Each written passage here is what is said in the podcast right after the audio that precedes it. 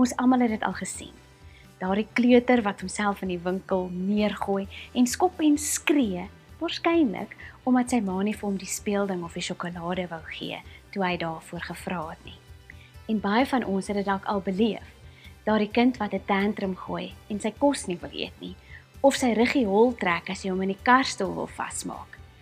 Of dit klink asof jy hom wil vermoor wanneer jy hom help om sy klere aan te trek. Daar is 'n paar goed waaroor ons moet gesels wanneer dit by tantrums kom. En die eerste is dat tantrums deel is van normale ontwikkeling. Wanneer kinders 'n tantrum gooi, ontwikkel daardie belangrike breinnetwerke wat emosionele regulering ontwikkel. So volgende keer wanneer jou kind 'n tantrum gooi, onthou net dit. Dit is deel van normale ontwikkeling. Kinders wat nooit tantrums gooi nie, vind dit moeilik om groot emosies te hanteer en kan selfs later met aggressie sukkel en ook sukkel om vir hulle self op te staan.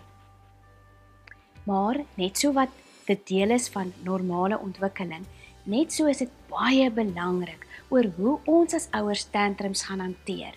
Daar is twee tipe tantrums. En met elkeen gebeur daar iets anders in die brein en elkeen het ook 'n spesifieke benadering nodig. Die eerste een is die tipe tantrum wat 'n stresrespons in die brein veroorsaak. Groot emosies, emosies soos frustrasie, angs, teleurstelling en aggressie word veroorsaak 'n stresrespons in die brein.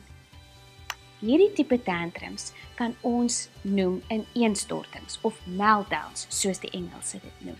En in 'n onvolwasse brein, 'n brein wat nog onder konstruksie is, word maklik oorweldig deur groot emosies en kan maklik 'n stresrespons um, in die brein aktiveer.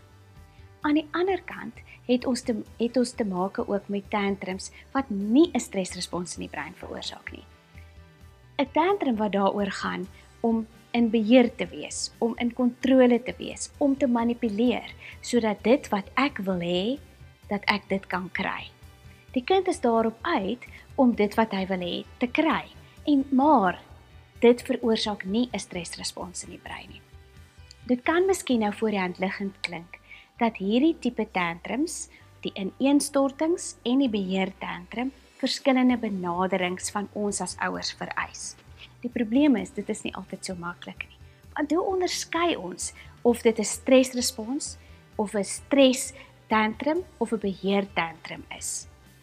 Navorsing wys vir ons dat wanneer ons tantrums nie korrek hanteer nie, dat dit 'n langtermyn effek op kinders se gedrag sal hê. Ons sien dat wanneer ons in eenstortings en meltdowns nie reg hanteer nie, dat kinders nooit daardie belangrike streshanteringsbeginsels leer nie. Aan die ander kant, wanneer ons kinders se tantrums en se beheer tantrums hanteer deur net vir hulle aan hulle eise te voldoen, maak ons weer kinders groot wat gewoond is om in beheer te wees en dalk gewoontes ontwikkel om ander te manipuleer. Daarom is dit van kardinale belang dat ons as ouers hierdie tantrums reg hanteer. Maar kom ons gesels vandag spesifiek oor die beheer tantrum.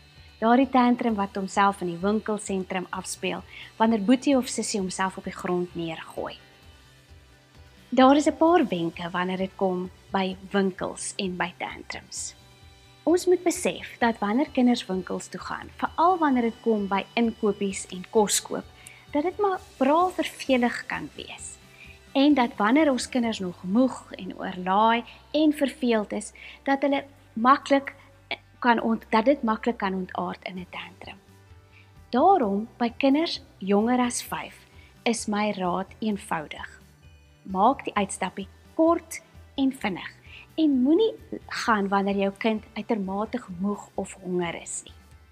Wanneer kinders ouer as 5 is, kan ons hulle deel maak van die uitstappie. Gee jou lysie vir jou kind en laat hy jou help en aftik wat hy gaan kry in die rak en dit weer terugbring na die mandjie toe of staan aan die bokant van die van die um, van die rytjie van die aisle soos hulle in Engels sê en fluister in sy oor wat hy vir jou moet gaan soek. Dan raak dit amper soos 'n soos 'n skattejag. En wanneer ons met ons kinders so deel maak van hierdie uitstappie, kan ons die denke denkende deel van hulle brein stimuleer en kan dit die primitiewe deel van die brein wat tantrum gedrag kan veroorsaak verminder. Tantrums en ineenstortings is deel van ouerskap en dit is nie maklik nie. Ek wens vir julle alle geduld en wysheid toe wanneer dit kom by hierdie deel van ouerskap. Ons moet maar op ons knieë bly, want onthou, hierdie ouerskapreis hoef ons nie alleen te doen nie.